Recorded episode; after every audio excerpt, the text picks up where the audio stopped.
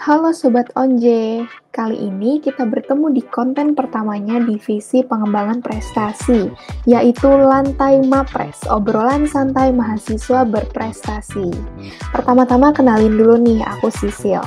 Nah, di konten pertama yang berjudul Lomba Produk Desain, susah nggak sih? Kita udah kedatangan narasumber yang luar biasa banget, yaitu Kak Vianessa Cornelia, alumni Teknik Industri Unpar Angkatan 2017. Halo Vanessa, apa kabar Kak? Halo Sisil, baik, puji Tuhan. Baik. Oke Kak, karena di konten pertama ini kita ngomongin tentang produk desain, yang aku tahu nih Kanesa udah pernah dua kali ikut lomba produk desain, bener nggak Kak? Iya, bener nih, udah dua kali nih kebetulan. Nah, yang aku tahu tuh lombanya Idea sama Chronix. Dan dua-duanya itu mencetak prestasi, keren banget, Kak. Aduh, thank you ya.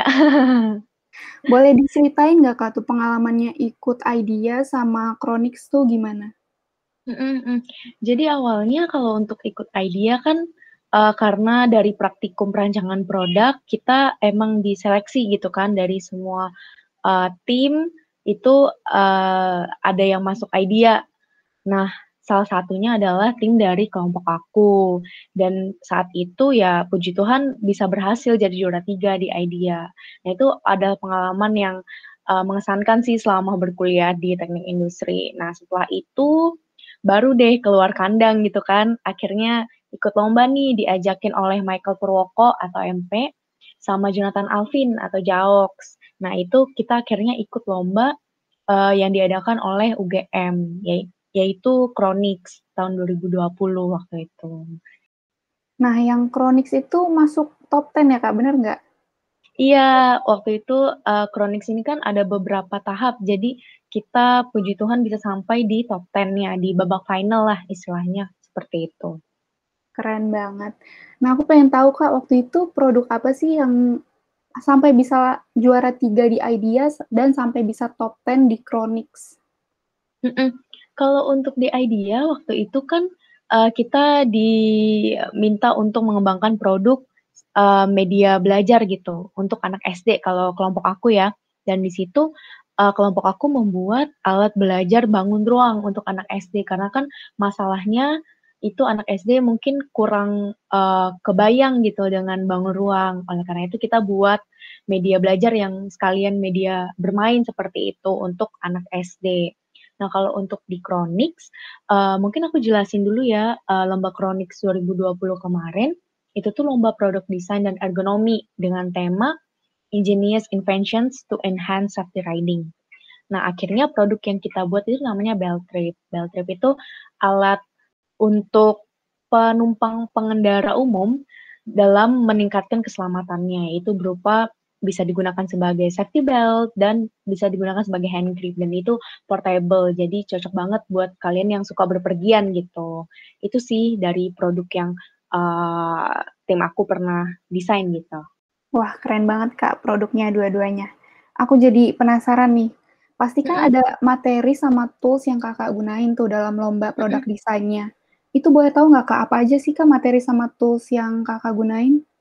Hmm, uh, karena lomba yang kita ikutin yaitu Chronix ini ya, uh, spesifiknya, itu produk desain dan ergonomi. Nah, tentunya tools yang dipakai itu nggak jauh dari tools desain produk dan ergonomi pada umumnya. Pasti kalian juga udah lewat kan, atau sekarang uh, lagi belajar tuh pengembangan produk sama ergonomi.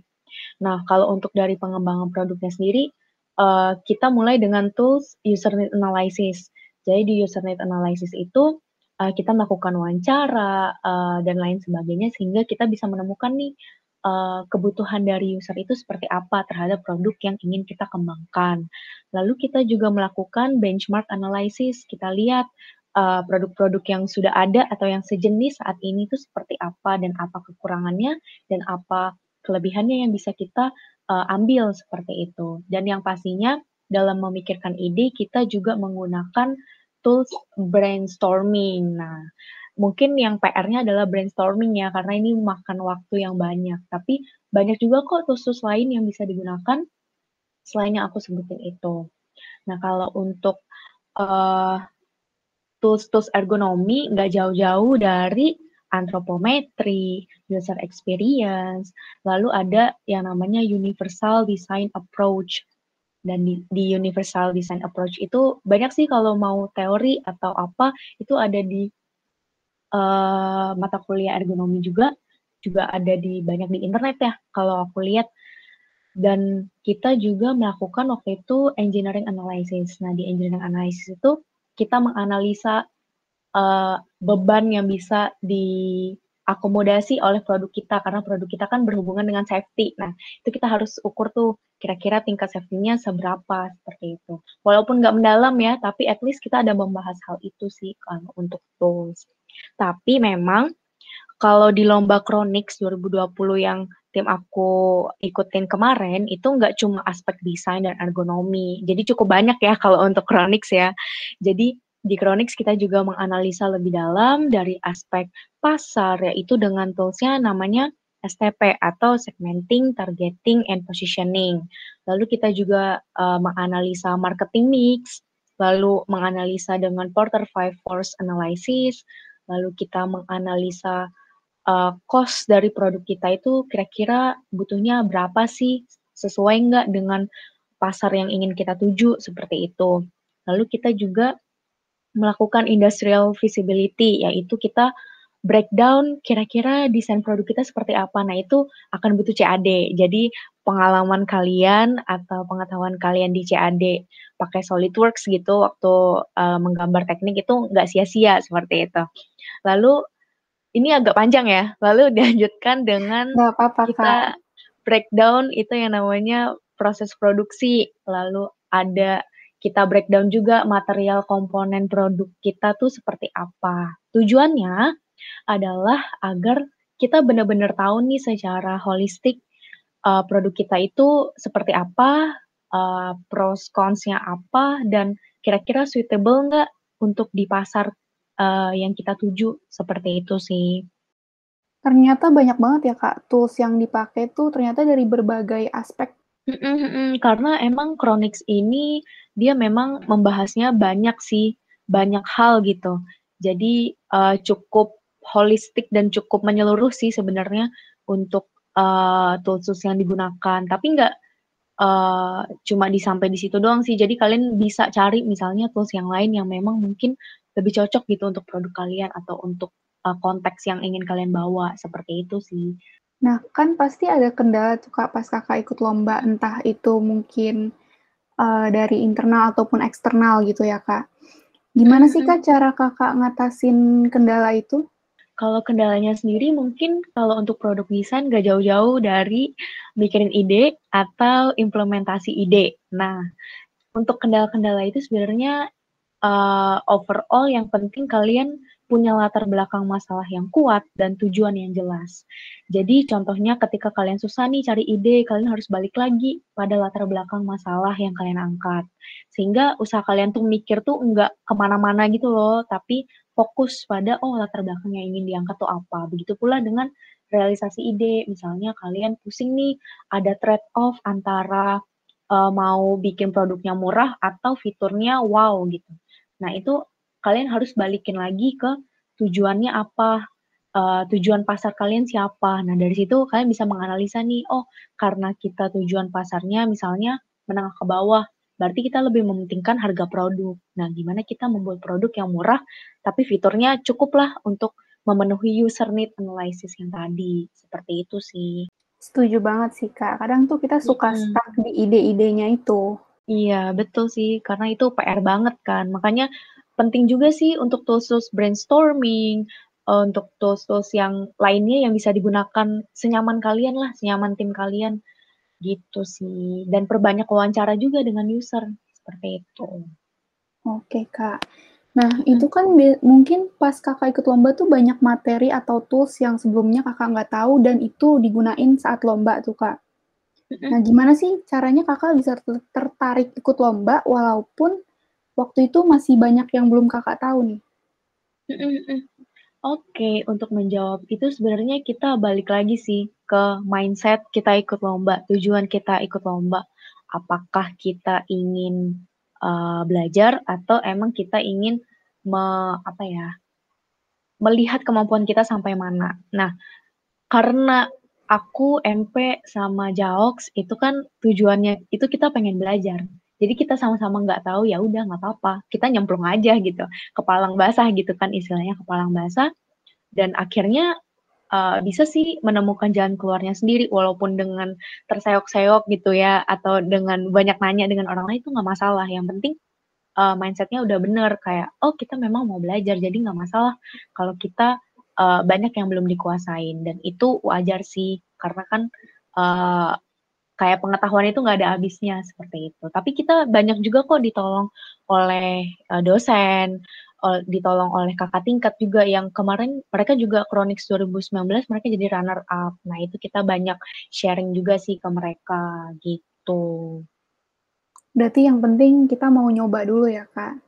Iya betul. We never know until we try, oke? Okay? betul betul.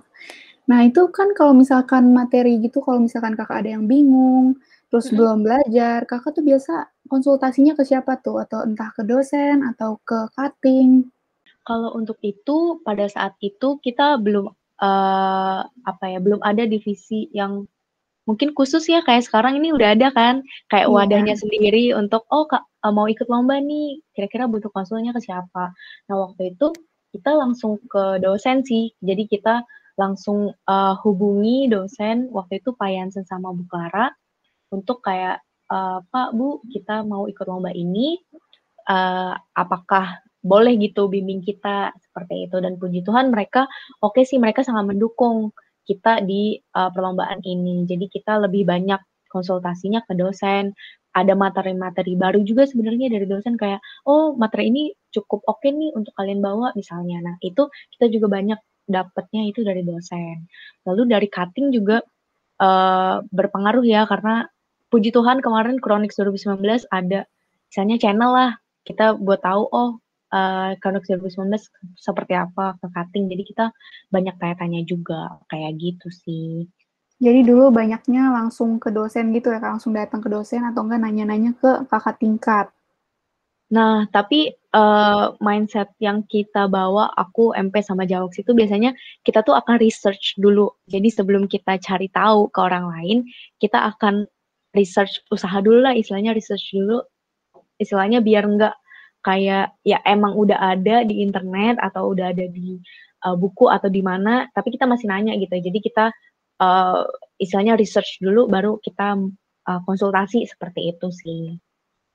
Iya benar sih Kak, research tuh penting banget sebelum kita nanyain sesuatu yang tahu-taunya nanti udah ada gitu, nanti kita tanyain lagi. Iya, betul banget. Nah, sama aku penasaran nih, Kak Nesa pasti dulu sibuk juga kan Kak di kuliah, nggak cuma ikut lomba, cuma mungkin di organisasi juga aktif.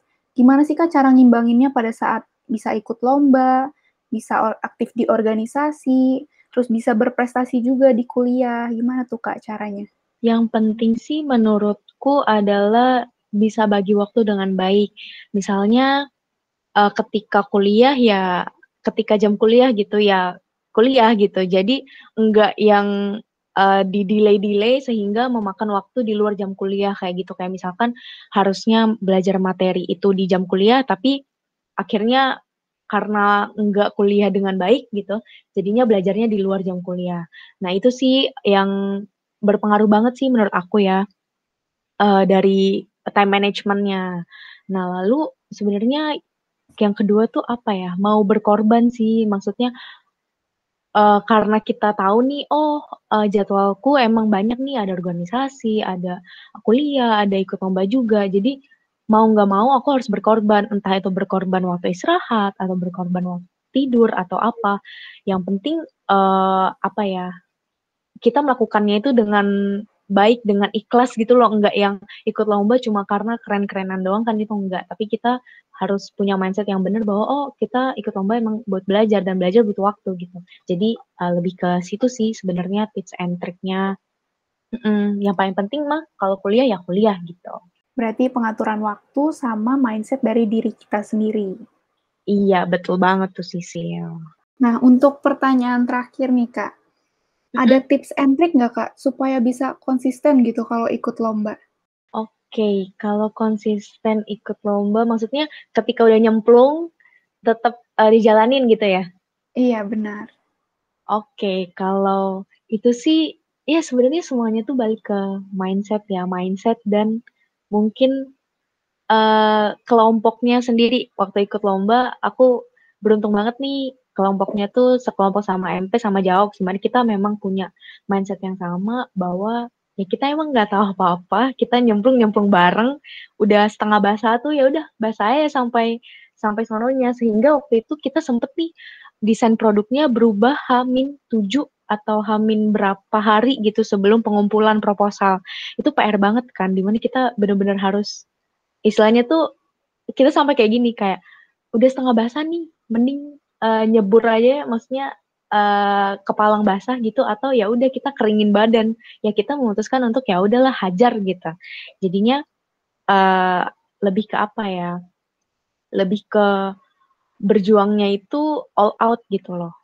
Nah biar konsisten itu butuh temen yang berpikirannya sama dan enggak apa ya enggak kayak ah janganlah. Nah itu kan enggak ya. Kita kalau pilih kelompok tuh harus yang sama. Kalau go ya go, kalau enggak ya enggak gitu. Mungkin lebih ke mindset sama ke temennya yang cocok. Oke kak, berarti pemilihan teman kelompok yang punya satu mindset yang sama dan punya daya juang yang sama tuh penting banget berarti ya? Iya betul banget, karena kita kan lomba juga berjuangnya sama gitu, nggak sendirian doang gitu sih.